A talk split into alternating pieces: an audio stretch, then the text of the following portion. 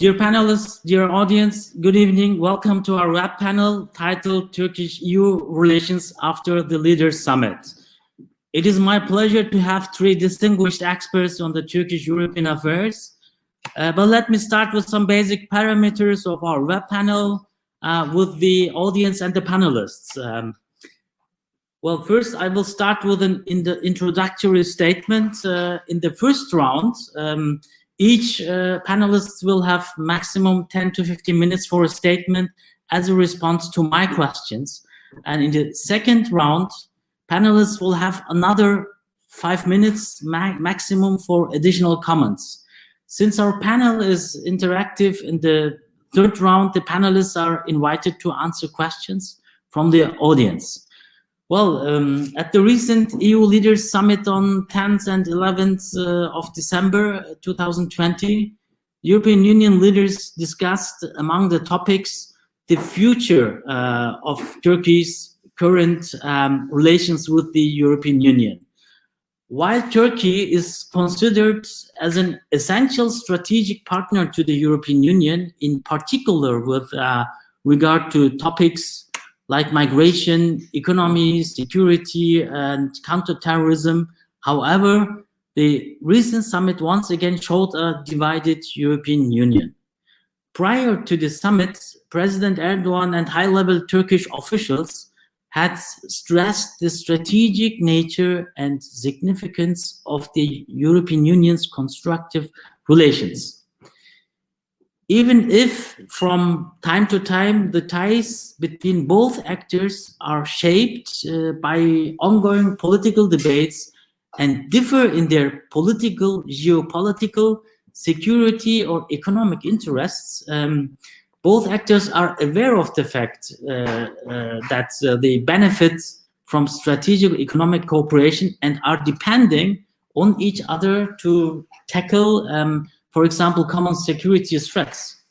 When we look at to the summit conclusions uh, on Turkey, the EU leaders condemned on the one hand unilateral actions in the Eastern Mediterranean. However, in practice, they took a soft stance, um, granting Ankara another three-month period. Concretely, they decided to add new names of individuals and companies to the blacklist that currently exists.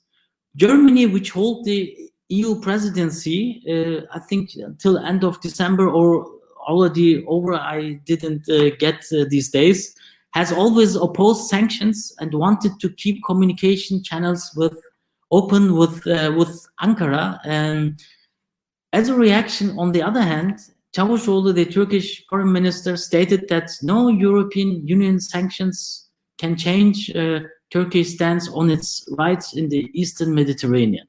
Yet, the EU leaders also made it clear that the positive agenda remains on the table, promising Turkey to continue providing financial assistance to manage migration flows in the country.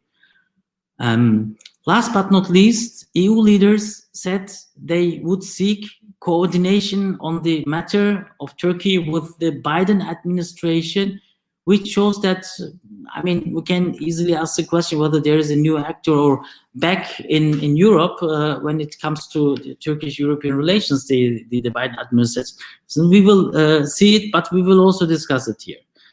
Um, looking at these dynamics um, and uh, statements, obviously we need to talk about the near future of the bilateral relations by focusing on the risk and new opportunities the European Union and Turkey might encounter following the recent leaders summit. By this, uh, general consideration of um, Germany's EU leadership in the last six months will be also addressed, as well as significant projections for the near future. I'm really looking forward to get more insight from the discussion with our panelists well, since our time is limited, I would really like to start uh, with Rainer. Rainer, thank you uh, uh, um, uh, for your participation. Uh, I, I, really appreciate it. And first, let me introduce you. You are a senior journalist with numerous publication on on Turkey, and and one of the key um, opinion um, driver in in the German media. It's really good to have you with us, and um, right now, may we have um, an overview of the position of the European Council and uh, the key EU member states, Germany and France, with focus on the topics um, triggering the recent crisis in EU-Turkey relations, with special focus on the recent status quo of the Turkey-EU relations in the context of EU accession, is one of the questions, and um, or also on the Eastern Mediterranean tensions, French-Turkish bilateral frictions, the role of Germany under its EU presidency as mediator in Turkish-EU relations, still stand or stimulation for new dynamics, uh, question mark. And um, well, as I mentioned before, what about the role of the Biden administration in the formation of EU's policy towards Turkey till uh, next EU summit?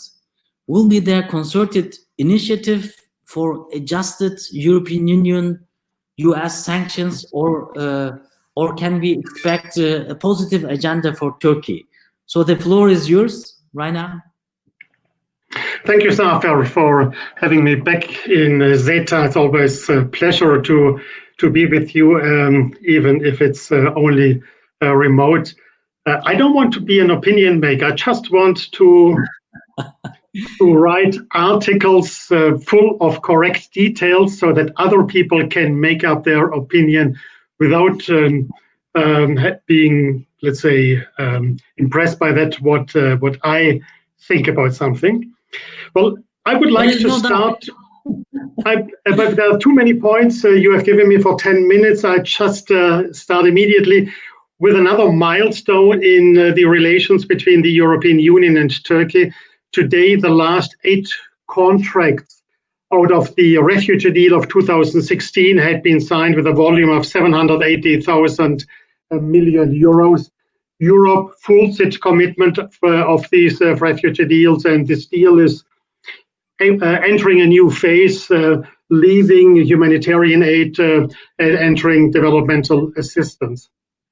So the European Union is further committed to Turkey, and I have also the final declaration of the summit in front of me, where the sentence is the EU will also be prepared to continue providing financial assistance to Syrian refugees and host communities in uh, Turkey. Um, having this final declaration in my, in my, hands, I would like to point out uh, two more um, important uh, issues. One is it strikes that Turkey for a long time is a um, candidate for full membership.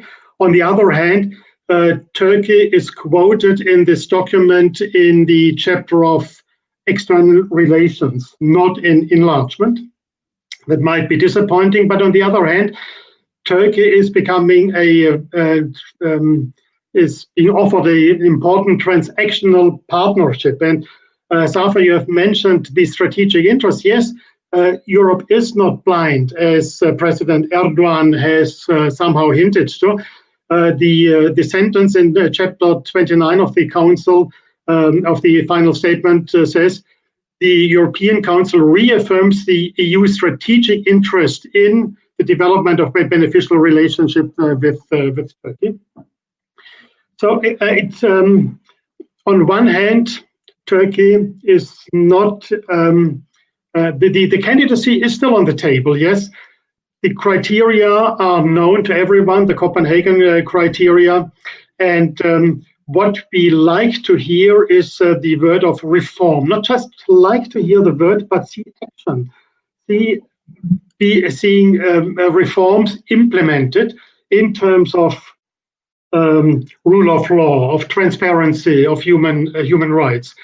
The question is whether it's realistic to expect such positive steps uh, the MHP is not known to be a reform-oriented uh, party. The question is what reforms might undermine the presidential system. But so This is one point of the final declaration. The other one is that the um, the final declaration repeats the offer being done for the first time in past October of a positive agenda. It avoids sanctions. Maybe the sanctions might have um, uh, uh, Turkey might have been deserved because after the October summit, uh, where the uh, offer on uh, the positive agenda was on the table, the reaction of Turkey was, frankly speaking, rather disappointing because Oruç Reis uh, the the ship was again sailing into the Mediterranean, where Varosha was opened unilaterally. then the boycott called on the French French goods. So the um, um, final declaration avoids sanctions that would have been the stick, and it offers a carrot. Um, cooperation in trade, in uh, in uh, economy, uh, modernization of the customs union, liberalization of uh, of uh, uh, of visa, and that leaves that enters then into a transactional partnership with Turkey, and it's now up to Turkey to say yes, we accept this hand given given to us. So the window opportunity is open and three the offer is extended uh, for three uh, for three months. So we can take them to, talk then later on what might happen what might happen in March because before then uh, we have a change in the White uh, White House and the wind for Turkey is becoming stiffer.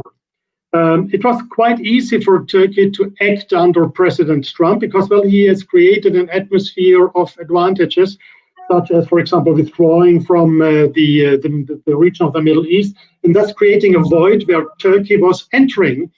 Um, uh, on, on the other hand, uh, he created um, uh, chances by his uh, style of politics, leaving multilateralism, leaving rule-based um, um international structure and therefore, therefore opening for Turkey a room for coercive foreign policy which it has used.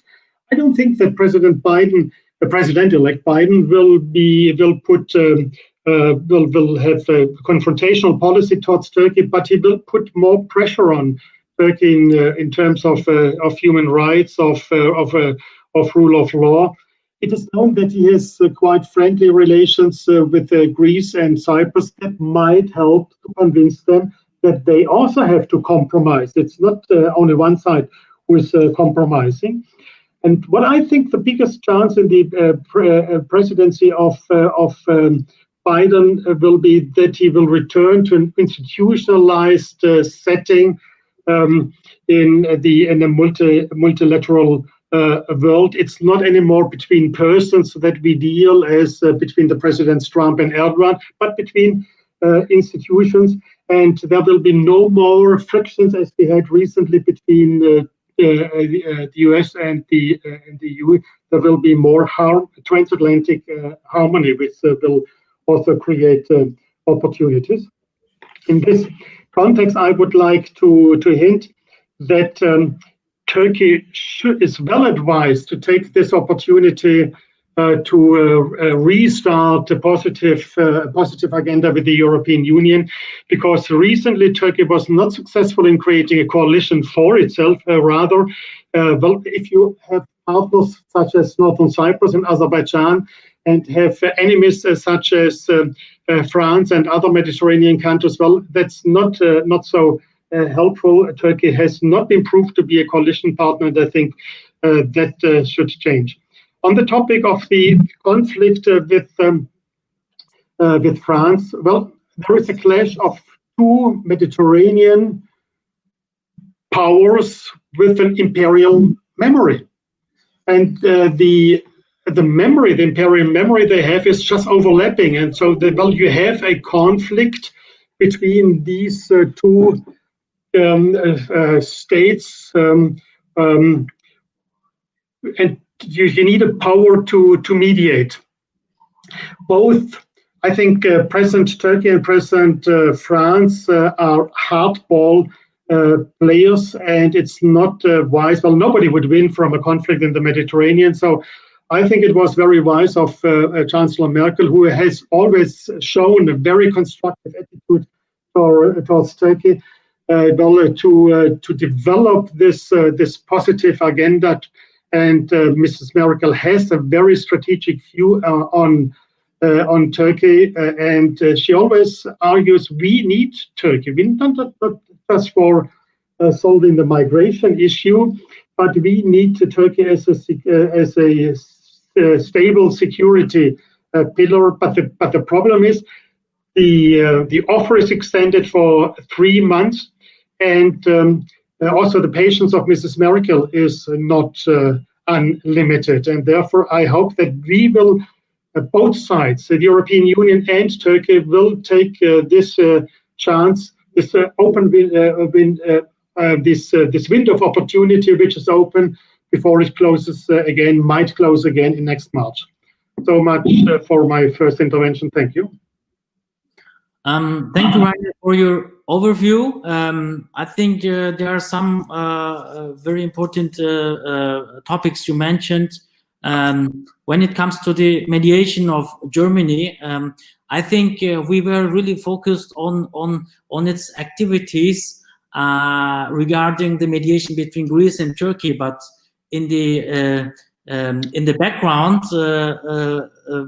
what I could um, here as well is that uh, Chancellor Merkel also tried to um, to ease the tension between France and Turkey um, on each bilateral level, uh, on both bilateral levels, uh, just to, to, try to uh, try to, to, to manage it. And uh, yes, um, um, the um, uh, the the, the direct communication in the Turkish-American relations, which will definitely have and impact the future of it also on the European track uh, was very personal uh, on the very personal level. Uh, but now it's it will be definitely institutional. Uh, administration will talk to administration, and um, I think um, uh, we will see uh, within the next weeks and two three months how how it will develop. Since we see that the sanctions are now not only on the table but also executed uh, some of them. So um, uh, it's it's it's of course another topic for a, a panel. So uh, this is, but the, the European aspect uh, we should always keep in mind and on the radar. I think, yeah. Uh, okay, so uh, just, just just give me one one more sentence. Mrs. Merkel is not one who is making politics by producing noise.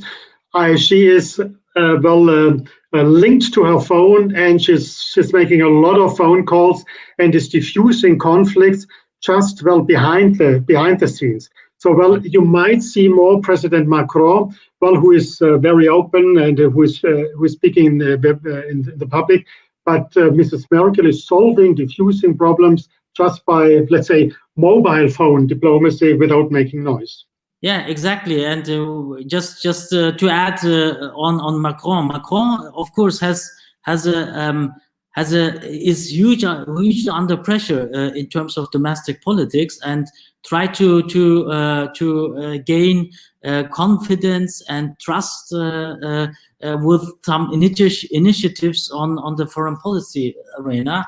And I think. Um, uh, so far it was not very successful we have to uh, to accept to you know. Uh, whether in army in, in, in the karabakh conflict uh, neither at in libya and in the um, eastern mediterranean crisis we will see what what will be the outcome outcome there. And they are even not anymore visible in their uh, previous in their post in their traditional influence area of uh, Lebanon and Syria, especially Syria. You know. Absolutely. And, Absolutely. Yeah, and this is something which uh, which uh, which shows that uh, he, he he will have uh, tough times uh, until the next elections. I think in 2020 or 22, no, or. Okay, thank you, uh, Rainer. Um, well, um, my next our next uh, expert and uh, a distinguished expert uh, uh, uh is uh, Zoltan Zoltan Egeresi is external research fellow at the Institute for Foreign Affairs and Trade at the University of Public Service in Budapest or Zoltan am I right Yeah, it's also true, and I also work a bit in the, this university. There is an um, institute for um, strategic and defense studies. Okay. Let's say uh, main place, um, full-time uh, place. But anyway, so you were right. Yeah, I had the pleasure three weeks ago to be on, on, on the panel with you on on on the the historic. Uh, uh, it was the, the historic aspects of the European Union Turkey relations was also quite interesting. But now I will start with a general question and we'll come down with some additional questions.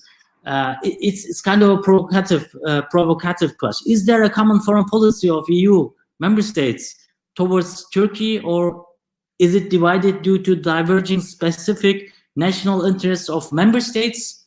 Um, this is the question. And when I have to add on it, I mean, uh, we know um, uh, we always focus on uh, when we say there is um, a, division in the in the in the in the in the in the stance towards Turkey, then we first think always on France and uh, and and uh, uh, Germany is trying to to to uh, to encounter, but in a very smooth way, very um, behind the the scene, and I mean. Um, can you also uh, tell us how is the uh, is there a block uh, uh, uh formation within the Europe? Are there different uh, groups with um, with different interests? it shouldn't be only Turkey, but it can help since everything is put on the same table for the ne negotiation. so, is there um, in, are there are other um, um let's say um, blocks of group of people eastern europe or uh, northern europe or eastern mediterranean. Uh, so um, this is my my general question and i would also have your opinion on uh, on uh, also um, uh, germany's uh, leadership the last six months as as as a mediator in different regional issues especially of course on, on turkey and how you do you see France uh, uh, uh, policies within the European Union?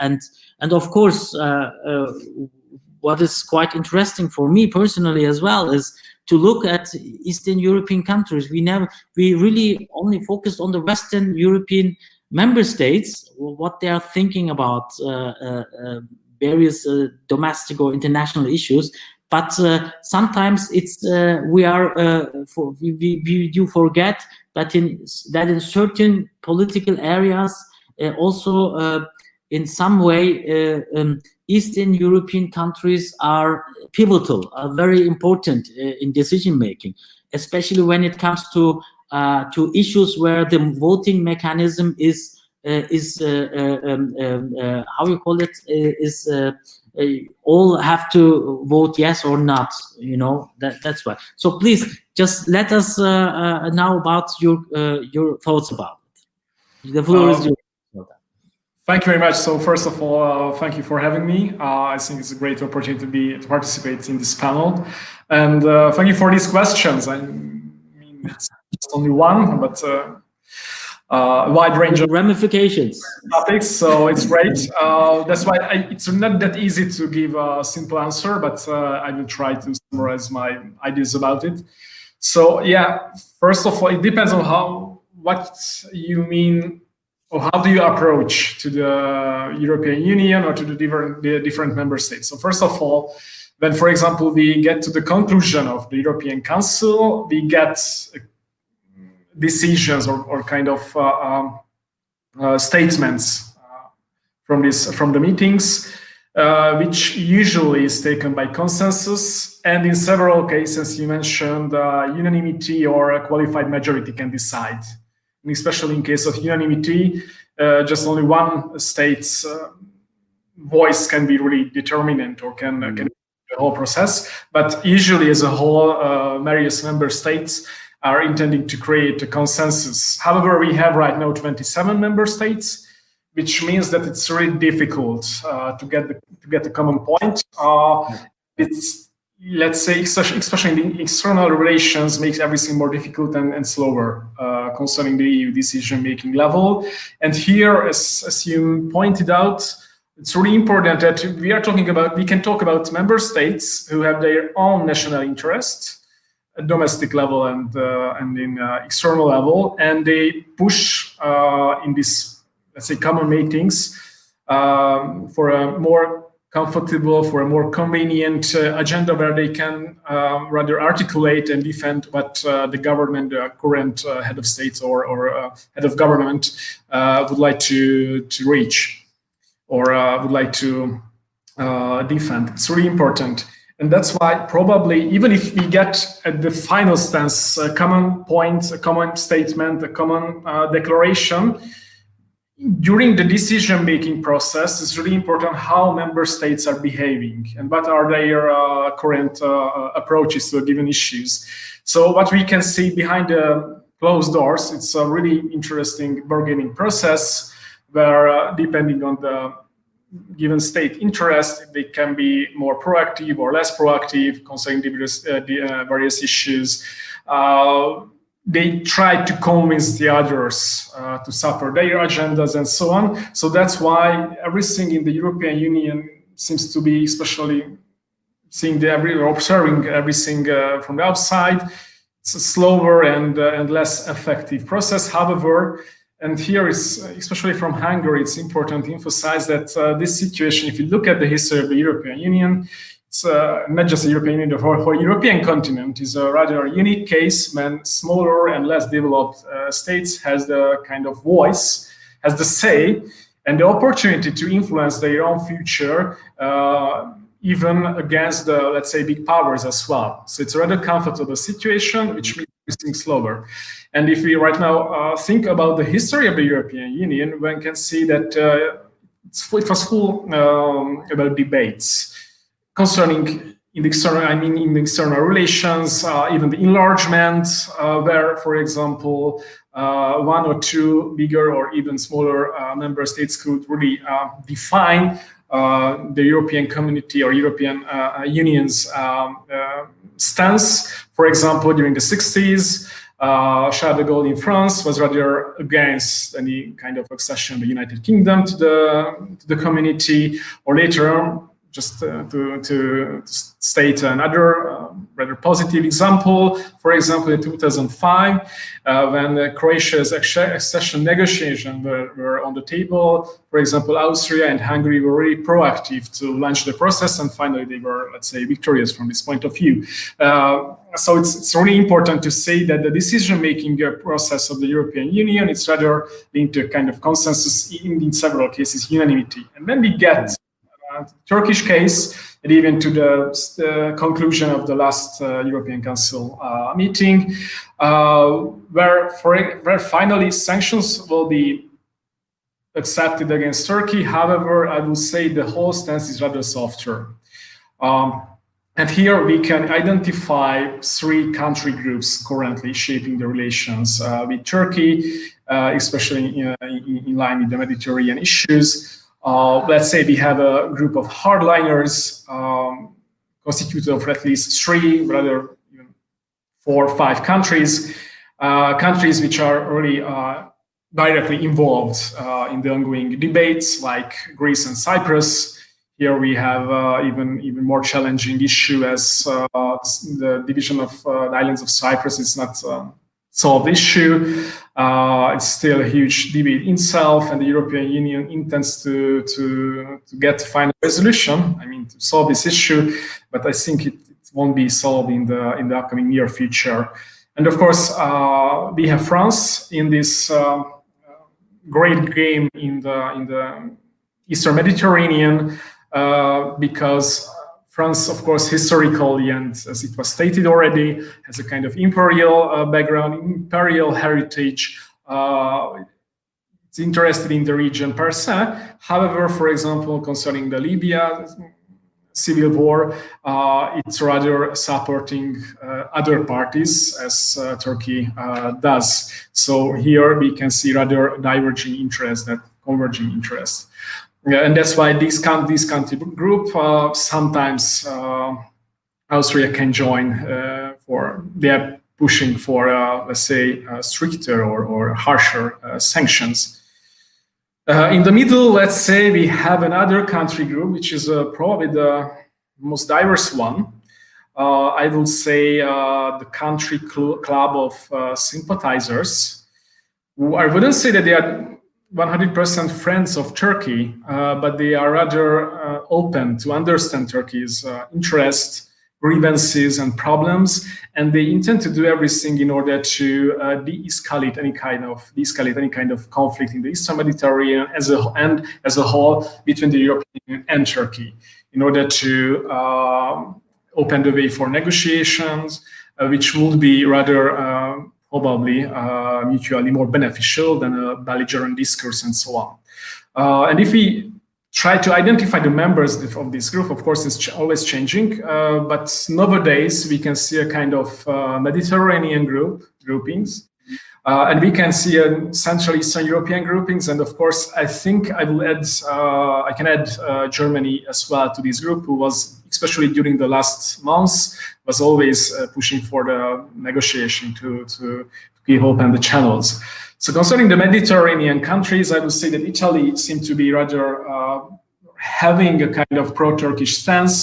It's, due, uh, it's especially due to economic reasons and especially to Libya, where Iran, uh, Italian economic assets, facilities, and so on are rather uh, located or concentrated in the territory um, ruled by the GNA, which is supported by Turkey. We can see here uh, Malta, which is the smallest uh, European uh, Union member states. However, it has a really important geostrategical um, position within the Mediterranean, uh, and it can be highly influenced by any kind of trouble or war uh, in Libya, and of course uh, by the migration flows. And Turkey did a lot uh, during the last years in order to strengthen the economic uh, relations. And, and, here we can can also mention Spain, which has also good economic relation with Turkey. Didn't want to get too harsh sanction, which would it will be able to uh, damage the Turkish economy. Concerning the Central and Eastern European states, uh, I think it's a really interesting case uh, because uh, they're relatively, let's say, newcomers on the Turkish horizon. Of course, I'm not talking about the historical issues, um, but uh, compared to the Western and Mediterranean uh, European Union members, uh, the Eastern and, Eastern and Central European countries like Hungary, Czech Republic, or Czechia, Poland, but also Croatia, Romania, and, and Bulgaria. So they were a member of the uh, Eastern Bloc, uh, which meant that they had no, at first, good relation with Turkey, which was a NATO member during the Cold War, and their economic relations were also, let's say, limited with Turkey. And everything has changed uh, uh during the 90s, and uh, what we can see right now, um, increased economic interdependency, increased security cooperation, uh, concerning the uh, Black Sea region, concerning the case of Ukraine, uh, and also concerning the migratory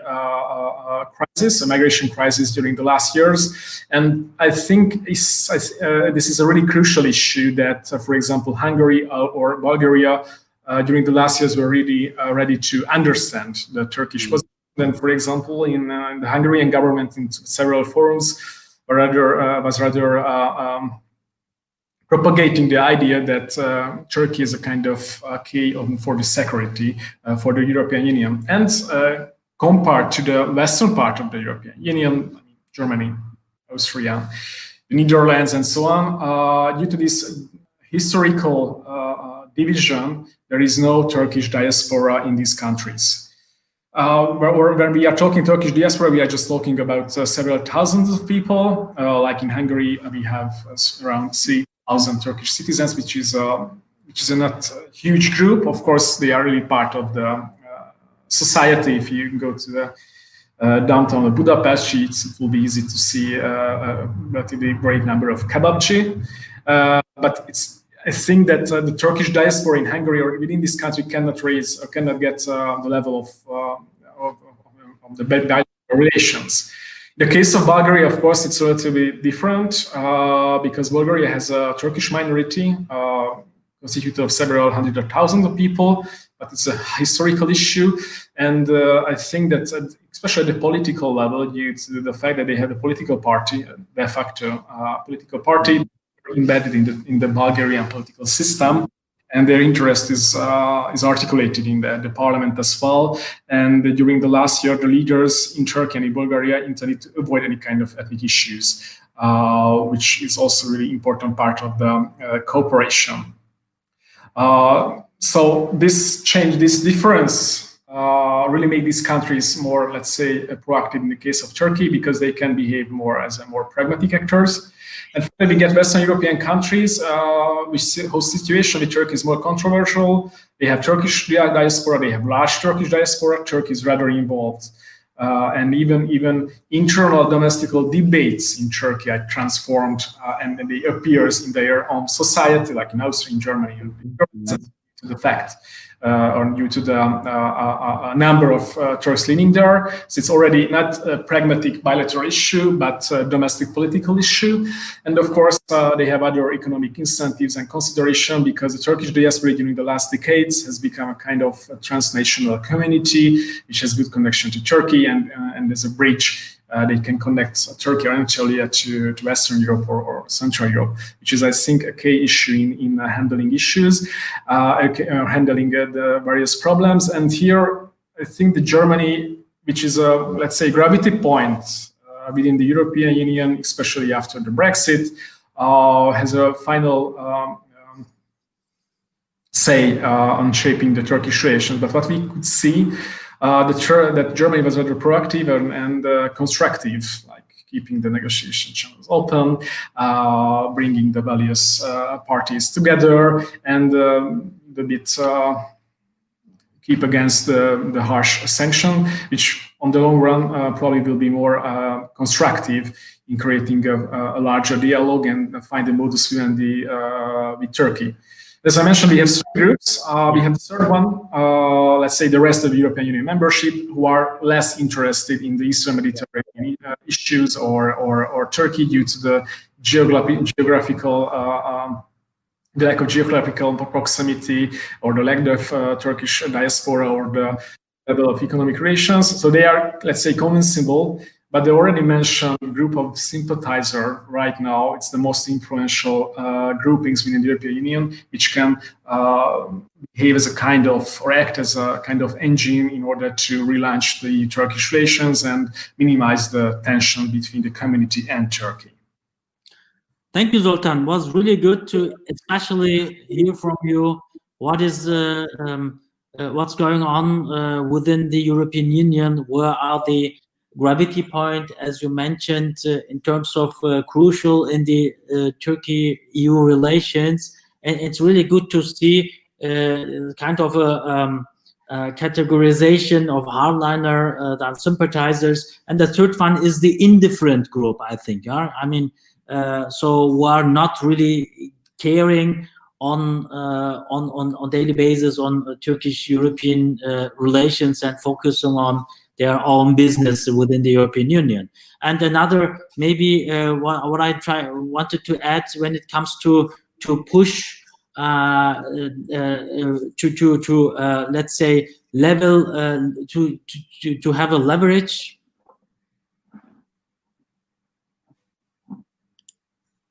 Uh, to have a leverage on on decisions so um, uh, when it comes to, to, to, the, the mechanism of voting in consensus, we know uh, we already discussed uh, three weeks ago that uh, um, that Greece um, uh, um uh, just um, um, used its leverage to get the, the the Greek Cypriot part into the European Union by by warning that they will uh, veto the uh, enlargement of the Eastern European countries. You know, it was one of the, the cases. Thank you, Zoltan, and I will come back to you in the second round. And now we have, uh, uh, last but not least, Talha Köse. Talha, can you hear me?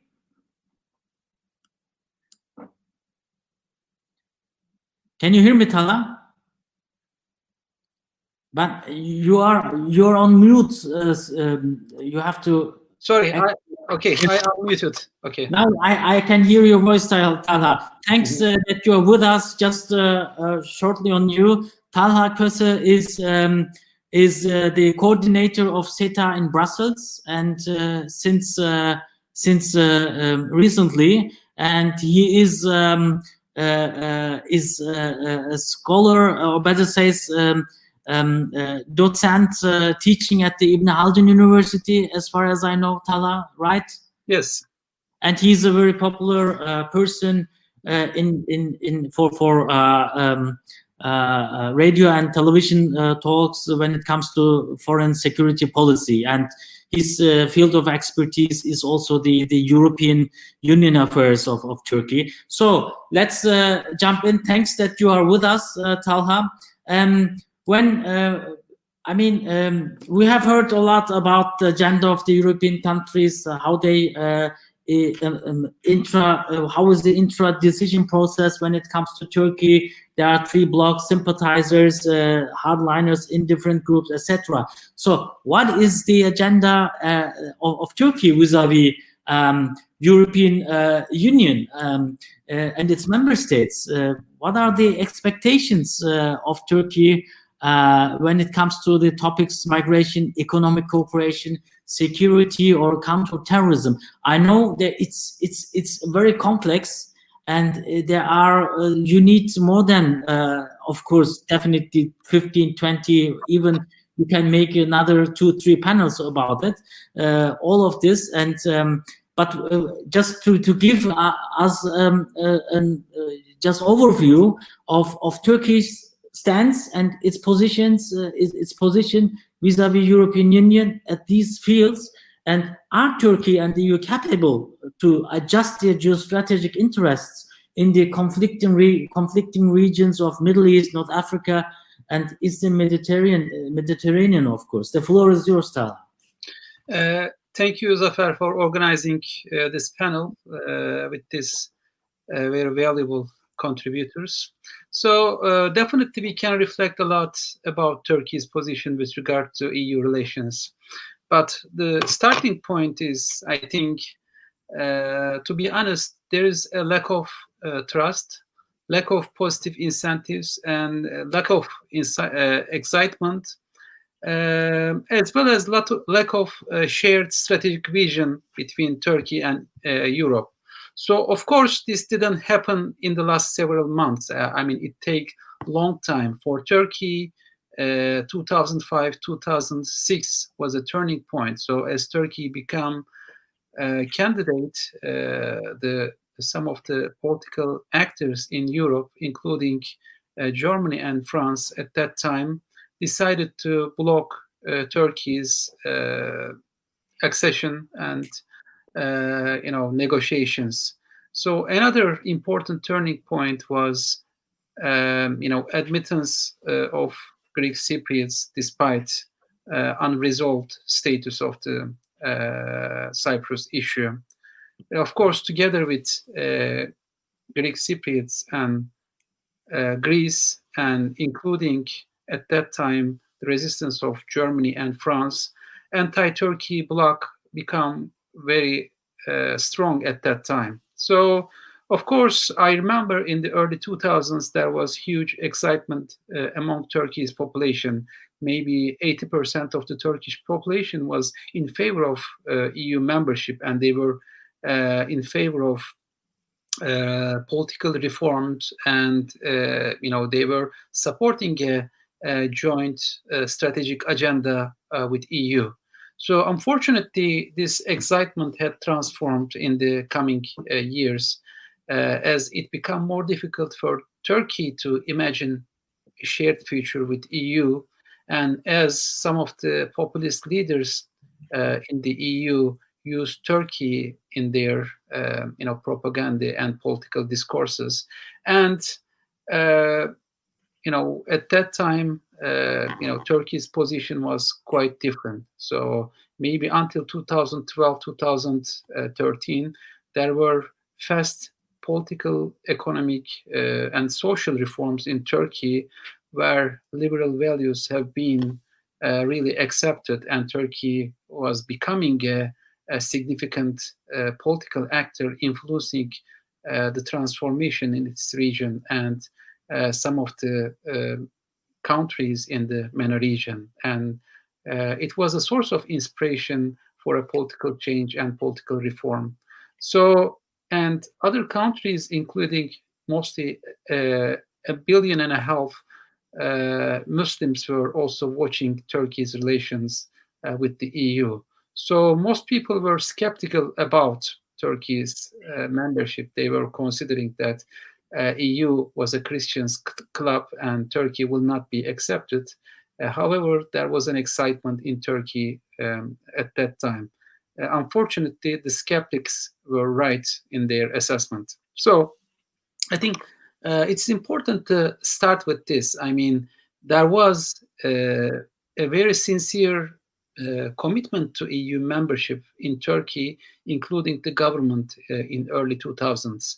So today, nowadays, most people accuse uh, Mr. Erdogan uh, and his party, uh, you know, with regard to they are criticizing about some of the, you know, political issues. You know, Turkey's distance from Copenhagen criteria and shared interests with the EU. However, uh, we have uh, seen and recognized that moment uh, at some point. So it was actually the actors within Europe that pushed Turkey to other directions. So Turkey, after being pushed out of this unity, this potential and you know shared future, tried to find out new directions in its foreign policy and in its domestic politics. So I think it's a very important point why Turkey's motivation have been tarnished after the EU's, uh, you know, double standards in its mm-hmm. membership uh, issues. So uh, of course we can mention set of issues, set of uh, you know problems between Turkey and EU, but uh, considering the latest summit, some people in Turkey consider that uh, it was not a big thing. But I think the language of sanctions, the language of uh, political pressure in Turkey is very serious issue and it's very problematic. So EU, rather than supporting, endorsing Turkey and encouraging Turkey uh, and stimulating further cooperation, rather use the language of sanctions, language of uh, punishment. I think it's uh, a terrible mistake uh, in relation uh, in EU's relations with Turkey. Yes, we know that US used the language of sanctions, language of diplomatic arrogance, but this wasn't the case for EU. Unfortunately, European leaders, with the stimulus of France and Greece and Greek Cypriots have transformed their language and tools against Turkey along these lines. And I think I find this very dangerous. So I already mentioned that there is declining, um, you know, interest in among the Turkey's uh, population, but this declining interest may uh, switch into hostility if uh, you know European leaders continue to push pressure and mention the sanctions I think uh, you know European leaders, European politicians cannot uh, provide uh, sufficient motivations for Turkey, sufficient care for Turkey, and times and again, Turkish people and Turkish politicians feel that you know they are being lied uh, by the EU, uh, you know, uh, leaders. So this migration agreement Turkey was proposed to be uh, given, uh, you know, visa-free travel, so which was blocked. Uh, those uh, aid for the Syrian uh, immigrants was delayed, and also uh, liberaliz- modernization of the custom union is used another as a bargaining chip. But I think it is, it should be even negotiated uh, without considering uh, as a bargain chip. So it is necessity and it is in the interest of both EU and Turkey.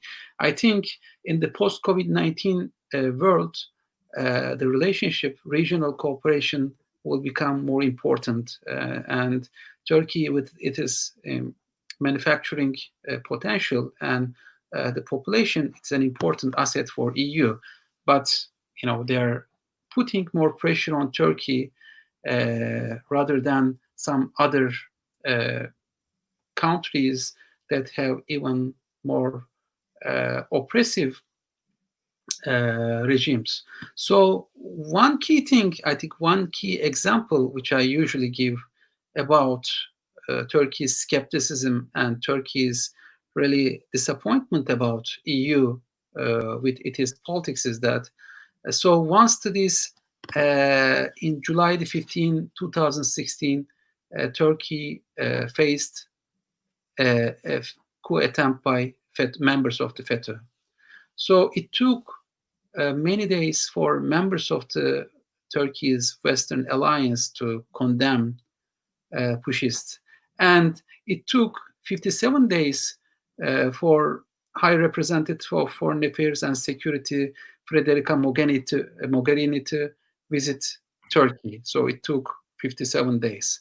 However, they visited, so Cathy Ashton visited, uh, you know, Sisi in uh, Egypt uh, 14 days after he toppled democratic uh, Egypt's first democratically elected president. So I think is this double standard really disappointed Turkish politicians and Turkish people. So I think you know before starting to talk about sensitive strategic issues, uh, I think we have to find way to deal with these grievances, uh, lack of trust, and we have to initiate a new dialogue to overcome those barriers. I think those barriers have been accumulated in the last several uh, years, and uh, without dealing, without finding a common ground uh, on those issues, and without some confidence building measures, we cannot talk about long term strategic issues. When we turn to long term strategic issues, I think there are too, you know, too many issues that may uh, become joint agenda for uh, EU uh, and for Turkey. I think, especially in the area of security, Turkey is a very critical actor. So in Eastern Mediterranean, in Black Sea, uh, in the you know uh, MENA region, Turkey is one of the key stakeholders. So today, uh, European actors are safe because Turkey is fighting against terrorism in uh, Syria, uh, Iraq, and trying to uh, overcome some of these problems. Another issue is that you know Turkey is the only actor in Syria from the Western alliance. So it's very important trying to counterbalance impact of uh, Iran and Russia. And Turkey is the only actor that actively supports militarily uh, the Ukraine uh, in the Crimean issue. So these are very important. I mean, uh, Western commentators oftentimes criticize Turkey by warming its relation with Russia, but there are some major disagreements between Russia and Turkey. And I think Turkey's presence uh, in the side of uh, European and Western alliance is a very significant issue. But uh, but this double standard really pushes uh, both actors uh, and disappoints Turkey. So I think uh, these issues are, you know, very important for the energy, for the migration, I think there are shared interests. So Turkey often thinks that take, Turkey is taking too much risks, uh, provides security to uh, European actors, but gets nothing other than being criticized by the European actors. I think that's very important. I mean, uh, during the Germany's uh, presidency in the EU, uh, you know, German chancellor played significant constructive roles to find common ground. But unfortunately, some of the countries, Greece and France, tried to use uh, the solidarity of the union uh, for their own interests. So that's also another thing. So Turkey was expecting to see a broader uh, strategic vision, a long-term strategic vision uh, from the uh, European actors that would allow incorporating Turkey.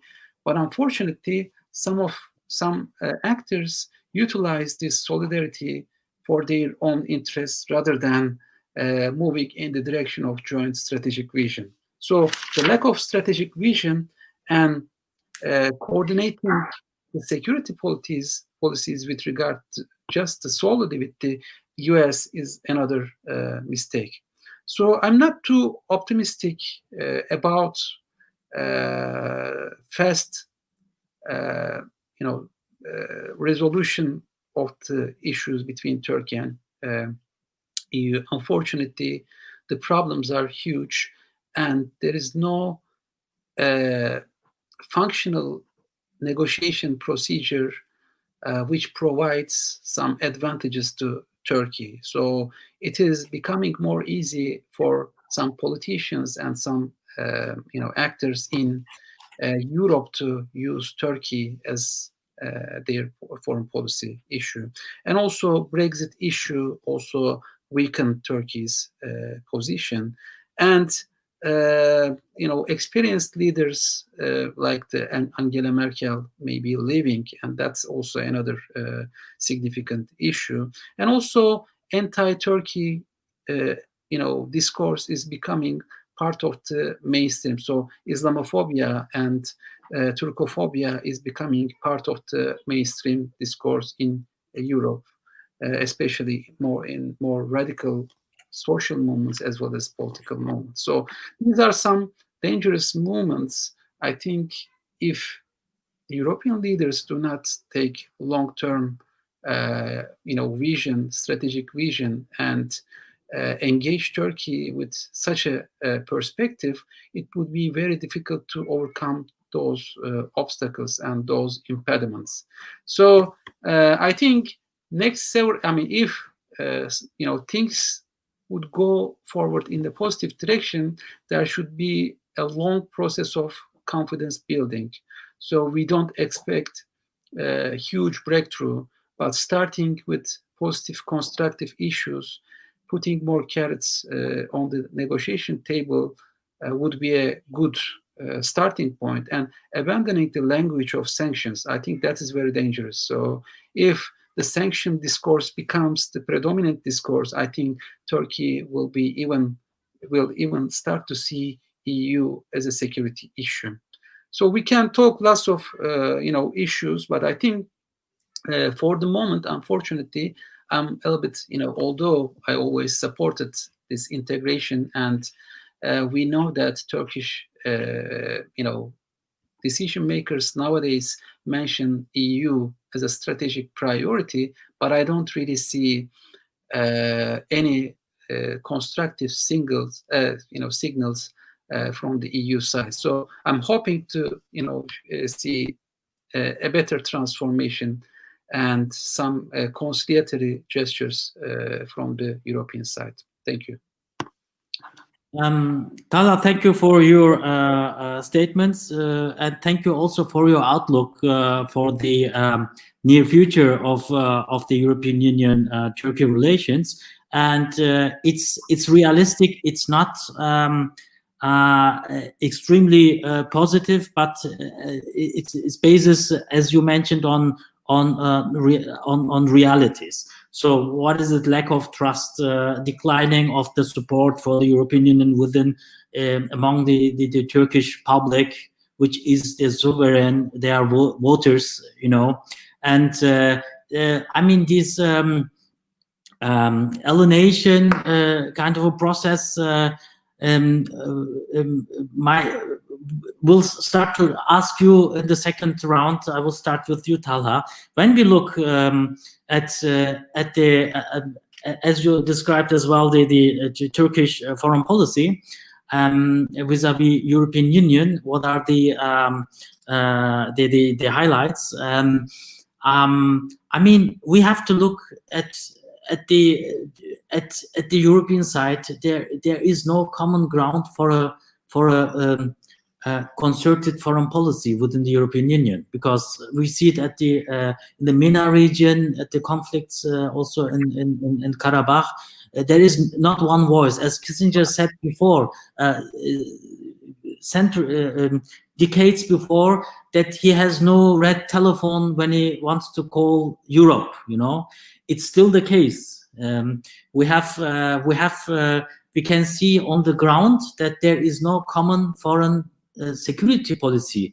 uh, of the European Union. That's why there is not not a strategic mindset there to to look in a long term uh, period. So, what is the reaction of Turkey? What we see on the ground is what I see. Can you comment on this? Uh, that Turkey is more and more focusing on the bilateral relations of each European member states.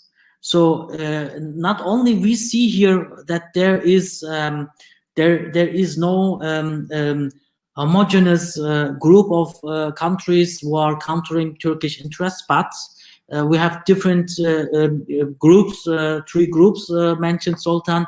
So do you see also that Turkey is, of course, having its official communication channels and and negotiations, discussions with Brussels, but is it isn't it uh, the case uh, that uh, Turkey now is more and more um, um,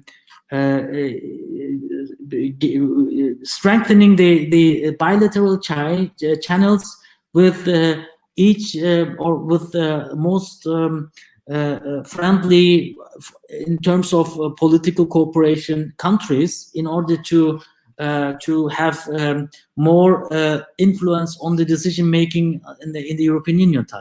Mm -hmm. Well, I mean, there are serious challenges in the world. So we, I mentioned uh, Ukraine, Crimea, Afghanistan, Iraq, Nagorno-Karabakh, Syria, Libya, and even the sub-Saharan Africa. So there are significant issues and mounting uh, civil war in uh, Ethiopia. So you see, in 1990s, European actors were there. They were part of solution. They engage actively, uh, do something. Nowadays, we don't see West in Nagorno-Karabakh crisis. We don't see West, you know, in Syria. I mean, uh, of course, U.S. is there, but you know, if you look from the perspective of uh, European actors, we don't see them. We don't. We see them in Afghanistan, part of the NATO, but they are quite reluctant. So they consider what we're gonna do if American troops withdraw. So I think this is what I mean by lack of strategic vision. Of course, Turkey is neighbor to all these regions. Turkey has security concerns in the, all these regions, and I mean they Turkey faces with Iran and Russia in Syria. I mean, faces with Iran uh, in uh, you know uh, Iraq. So faces with problems in the Eastern Mediterranean. Libya is a ground for. So what is the position of EU in all these things? So we see, uh, you know, France cooperating with UAE, Egypt, and Russia in Libya. So is this the common policy? We see we hear some voices from you know Italy and Germany, but why aren't they active, more active in Libya? So if the civil war in Libya continues more more than you know longer, this will turn it to a significant security challenge. So Turkey is there. I mean, by balancing, uh, you know, uh, the civil war by supporting the legitimate government, I think played an important role. I mean, Turkey's presence in Syria is very significant. I mean, if Turkey wasn't in Idlib, probably two more million people were in the doors of the So unfortunately, when Turkey looks at the challenges, so the fight with terrorism, instability in the region, uh, dealing with some of the actors like uh, Russia and uh, Iran, uh, Turkey doesn't see European actors in its side. I mean, even the European actors are generating more problems, troubles. Uh, so uh, Greece is violating Lausanne Treaty, arming the islands, you know, violating Turkey's sovereignty in the Eastern Mediterranean. And rather than finding a common ground, bringing some diplomatic solution, diplomatic negotiation, European actors are siding in solidarity with Greece. I mean, even the uh, ordinary person with a conscience will see the maximalist claims of uh, uh, Greece. I mean, who would support such a stupid uh, map?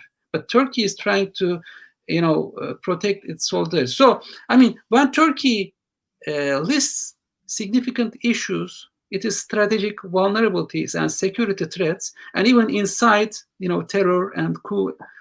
Turkey cannot see European actors in its side. When Turkey is facing economic difficulties, it doesn't see Europe in its side. In some of those issues, despite disagreements, Russia played more constructive dialogue. Despite uh, those differences, Russian side were more open to diplomatic dialogue and negotiation rather than Europe and US. I think this is very important. So how uh, you know mo most people criticize is Turkey you know shifting the axis. No, Turkey is not shifting the axis. The axis it thinks it uh, if Turkey believe, uh, believes it is part of has never helped Turkey to stabilize itself in the last decade. Mm -hmm. So I think this is also Turkey doesn't see a much of a, a strategic vision. Of course, uh, Europe is a huge economic hub. It's very important, uh, you know, uh, diplomatic actor, you know, European actors, but it doesn't address uh, Turkey's key security issues. I think these are uh, important things, and I think uh, starting to think again in terms of strategic vision is important. So I think the bilateral relations for the moment seems to be, uh, you know, better op option for Turkey. So it would be much easier to handle one by one mm -hmm. because Greece and Greek Cypriots are using this solidarity. Turkey has very constructive relations joint economic interests many of the actors we know we know that they are uh, very supportive of turkey but unfortunately this is uh, shadowed by uh, some minor actors like in the last summit i think if european actors cannot come up with a, a shared strategic agenda turkey will prefer the path of uh, strengthening bilateral relations with the eu member countries uh, so that is probably uh, the only existing option for Turkey for the moment. Okay, thank you, Talha. Um, I will uh, come to Rainer. Uh, this was part of the second uh, round for, for Talha. Um, Rainer, uh, you're still there. Um, thanks, God. so um, my question goes to to you. I mean, you also gave some outlook uh, what will happen in the next months uh, uh, in the relations between Turkey and the European Union. Um, and I will combine it with a question of Mustafa Bilge Kadan. He wrote, uh, he asks, you know, he, he uh, asks, uh, asks a question to you, and also later he said I should also ask Talha. Sorry, Mustafa Bilge Kadan, I, I missed it, but I'm now with Rainer. Rainer, um, uh, when there will be um, let, us say uh, when there will be more irritation more tensions and uh, when the path will not a common path of Turkey and of the European Union. Uh, so, um, what could be the, the scenario for Turkey? Since you know Turkey quite well and you are very often there, you have uh, you work there uh, for the time being. You are in Germany. And uh, the question is of um, of uh, of uh, from the audience is could be there more closer relations with Russia at the areas of hotspots, conflict areas like the Eastern Mediterranean. So what kind of a consequence would it have um, due to the fact uh, when we realize that uh, Turkey has, uh, has an enormous um, uh, importance as a NATO ally in the southeast uh, flank of the NATO. So um, um, will Turkey drift out of the Western system? When we hear Turkish officials and when we talk with Turkish uh, experts on defense security policy, it will never happen. Uh, but uh, what is your assessment on that? Well, at the end, everything boils down to the economy. Turkey needs a strong anchor. Russia cannot be the strong uh, anchor economically. The uh, economic picture in Turkey is becoming rather gloomy. Just look at the financial sector. The uh, currency reserves are uh, consumed. If there is another external shock, capital will flow out again, and there will be a significant currency crisis. So this is uh, this is one point. Um, the second one is that um, there is an erosion of purchasing power. Inflation is high, higher than the interest rate, and uh, the uh, um, interest rate is higher than the increase of the salaries. That means for the ordinary people, life is becoming more difficult. And now uh, we, are in the midst of uh, the COVID 19 pandemic, and this pandemic uh, will leave significant scars. That means, well, Turkey needs trading partners, Turkey needs FDI inflows, Turkey needs technological partners. Is Russia the partner? Uh, definitely not. And therefore, my guess is it is better to have a bird in your hand than two birds in the bush. Take take what you need. Well, I'm an advocate of realpolitik. Realpolitik means there is a national interest. Forget about uh, rhetorics. Rhetorics is a leverage to, to have better results in the ne- uh, negotiations. I don't uh, think that uh, Turkey will have an alternative um, to the European Union as an economic, as a strong economic partner. The Middle East is a burden. China is far away. Russia is having oil but no technology. And uh, I, I, would like to have a very authoritarian country as uh, Russia as a partner. I'm fully with Talha when he criticizes the European policy on the Ukraine, on, on, on Egypt. I'm ashamed as a European that the French president gives the highest French order to the Egyptian military dictator. Uh, this is wrong. It is ethically wrong, morally wrong, and we we rather need to support. Well, today, 10, uh, 10 years ago, in the Arab world, um, in Tunisia, the so-called Arab Spring, uh, the Arab um, uprising have started. We should rather support the civil society in the Arab world and not these dictators which create in the long run a, a bigger security threat than we think they uh, create no they provide uh, uh, security. So well in this very difficult setting um, uh, turkey is practicing a coercive foreign policy. Uh, i'm afraid that there might turkey might reach a point of overstretching. Uh, if you have such an let's say um, active foreign policy, you need to have a sound economic base.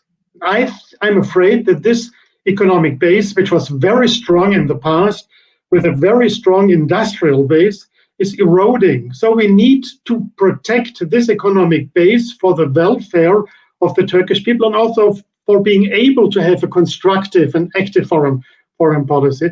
Just to sum up, well, it's better to have this bird in your hand than two birds in the in the bush. So well, uh, I I hope that uh, both sides, the European Union and Turkey, will come again to sense to see the strategic value of uh, of Turkey and to find uh, compromises. But the compromise you cannot reach when you send out warships into the Mediterranean. You sit together, and this is also a part of the final declaration of, of, of the EU summit you need to have an international conference on the um, uh, on the Mediterranean, including the EU, which could not be uh, an honest uh, broker. You need to bring in the Americans. You need to bring in the United Nations. You need to bring in uh, experienced lawyers in order to find a solution that is just and accepted by everyone. Okay, thank you, Rainer. I do agree with you. Um, I mean, when there will be some kind of uh, when the critical path will come to an intersection, I I believe that, uh, and this is uh, what I um, also uh, uh, um, uh, heard from from decision makers in Turkey. they opt out or to to to um, uh, disconnect the relations with, with Europe is not is not an uh, option. That's for sure. And um, and I think not because Turkey has uh, uh economic crisis, uh, economic struggling, but uh, you know Turkey had in the past even more severe struggling economic situation and I think they are able to overcome it in the mid and long term. Um, and um, um, the autark um, Turkey has has has of course diversified diversified its foreign policy in terms of more autark, more uh, um, touching upon national interest instead of the interest of uh, of institutions, which is very legitimate. And look at France and other countries, and uh, that that's uh, uh, does not mean that Turkey will will uh, um, uh, uh, will put its direction in, in foreign and security policy as a paradigm change to to other uh, actors. And we see i mean when you hear from uh, when when turkey came closer with in cooperation with russia and uh, there was a an outcry that russia has hijacked turkish foreign policy but it's really not the case. You you can see it now, uh, the, the recent days, Turkey has uh, uh, deepened strategic and security cooperation with Ukraine. You know, this is something which could be also um, an example for some European countries to to uh, stand uh, more stand with uh, with Ukraine. On the other hand, to have um, to have a, a more um, constructive approach towards Russia. Um, I think um, Zoltan, um, uh, thanks, Rainer. Uh, Zoltan, now uh, the um, uh, the second round and the third, especially, um, um, I think we will uh, put it together. I think Hungary is when when I look in the Turkish media, then uh, or, or when I talk to decision makers, Hungary has a very positive perception so is it uh, because uh, they are uh, close, they have closer relations when it comes to to the bilateral economic and security interests or cultural, and how is it? Um, how is the impact on the Turkey-EU relations? Uh, you mentioned you touched upon it. Maybe you can we have some minutes uh, five minutes uh, so far uh, uh, still and maybe you can touch upon it again in a, little bit more more detailed way. Okay thank you very much for this question. I will try to summarize everything because about we can have several other um, meetings about turkish hungarian relations. It's a huge topic. So anyway, um, okay. From one point of view, from a historical point of view, yeah, it's a little bit controversial uh, due to the Ottoman heritage. Yes, a great part of Hungary was ruled by the Ottoman Empire for a while. Of course, it's a little bit controversial uh, for the Hungarian population and for the Turkish one. Uh, but here is really important compared to the other people of the Balkans and Central Europe uh, the Hungarian nation building process uh, in starting in the, I mean, uh, the modernization, the country and, and, and so on in the 19th century and 20th, in the beginning of 20th century, uh, when the Hungarian uh, started to find their roots in Asia, in Central Asia, linguistically, historically, a great part of the population, especially the intelligentsia, was rather favoring a kind of uh, Turkish uh, uh, relation, Turkish, and, and they consider Turk, Turks within the Ottoman empires as, uh, as relatives. And uh, for example, in the Balkan wars, wars or uh, between during the wars between Russia and, and the Ottoman Empire, there were protests in Budapest, organized by Hungarian students and whatever, in favor of the Ottoman Empire and even the the two countries, or Austria-Hungary and uh, the Ottoman Empire, uh, were fighting together within, uh, during the First World War. So it was a really important uh, message for the Hungary from the Hungarian population, and and this kind of uh, uh, let's say brotherhood has still a really important impact in Turkey. So, for example, in Istanbul, we had Magyar Kardesler and so on. Okay, so we can talk a lot about it, that we can have similar, uh, uh, we can see similar patterns and, and remnants in Hungary as well today from this past. And what we can see nowadays, or during the last 30, three decades, so after the collapse of the Cold War, that I mentioned, there is a a new uh, new impetus to reorganize, to reconstitute uh, Hungarian Turkish relations. Uh, we can see growing economic relations. Of course, Hungary is a small or let's country within the European Union, but the economic, the trade and the economic cooperation were, was really booming until now. We will see the effect of the COVID-19, but be rather universal than than uh, just bilateral uh, negative effect. But as I say, we have more and more Turkish investors and also Hungarians are re- ready to go to Turkey and invest there. And the tourism sector is, was also booming uh, until COVID-19. Probably it will continue later on, uh, which means that uh, at economic level and concerning the perception level, there is in within Hungary as well kind of uh, um, positive view concerning Turkey. And at the political level, the Hungarian government uh, mentioned or stated several times that uh, concerning the geopolitical room for maneuver or geopolitical opportunities of Hungary is kind of uh, it can be uh, outlined in a tri- geopolitical triangle between Moscow, Berlin, Moscow, and Ankara, let's say Istanbul. Yes. And Hungarian foreign policy uh, always have to keep in mind that uh, that is unreached by or encircled by these three kind of Mhm. Of course, from point of, from this point of view, Berlin probably it's more important because Hungary is part of the uh, EU, but at the security level and the economic level, increasingly, Turkey is a key actor, as we could see uh, during the migration crisis, and of course. Uh, uh, on the long run, if we think in a greater perspectives concerning any kind of new possibilities for, for new migration crisis in Syria, concerning Idlib, uh, or, or Turkey has become also important influencer, any kind of migration routes uh, in Libya. So it's for, for the Hungarian government, this kind of geopolitical changes in the uh, Turkish foreign policy are rather increasing the role of Ankara in shaping the Hungarian foreign policy. So I think uh, in the long run and in the short, run, it's 100% sure that uh, Hungary will also uh, will remain a kind of uh, stable partner in Turkey within the European Union. Mm.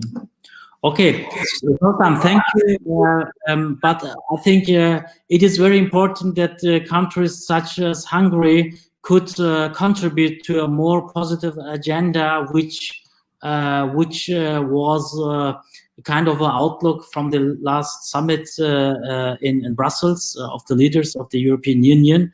And I think um, uh, the message was clear. Uh, I think there are a lot of uh, uh, uh, issues uh, to, to to tackle with on on the bilateral ties uh, EU and Turkey, and uh, it is very important to to um, to to uh, to to have a positive ad- agenda with uh, promises from both sides, uh, which we saw with uh, President Erdogan's uh, reform initiative. Also, uh, a more his his standing um, or his positive message um, to to European Union.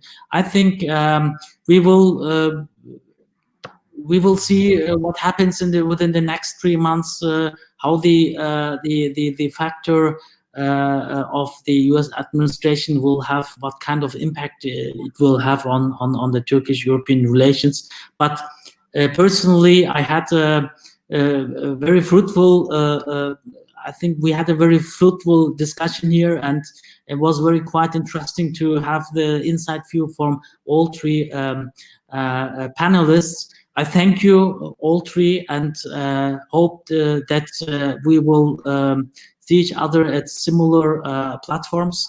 And uh, wish you all uh, health and and success, and um, and and all the best. Um, for the new year next year. Hope um, everything will be better also for you guys. Thank you. Thank you very much. I'm gonna close now the session.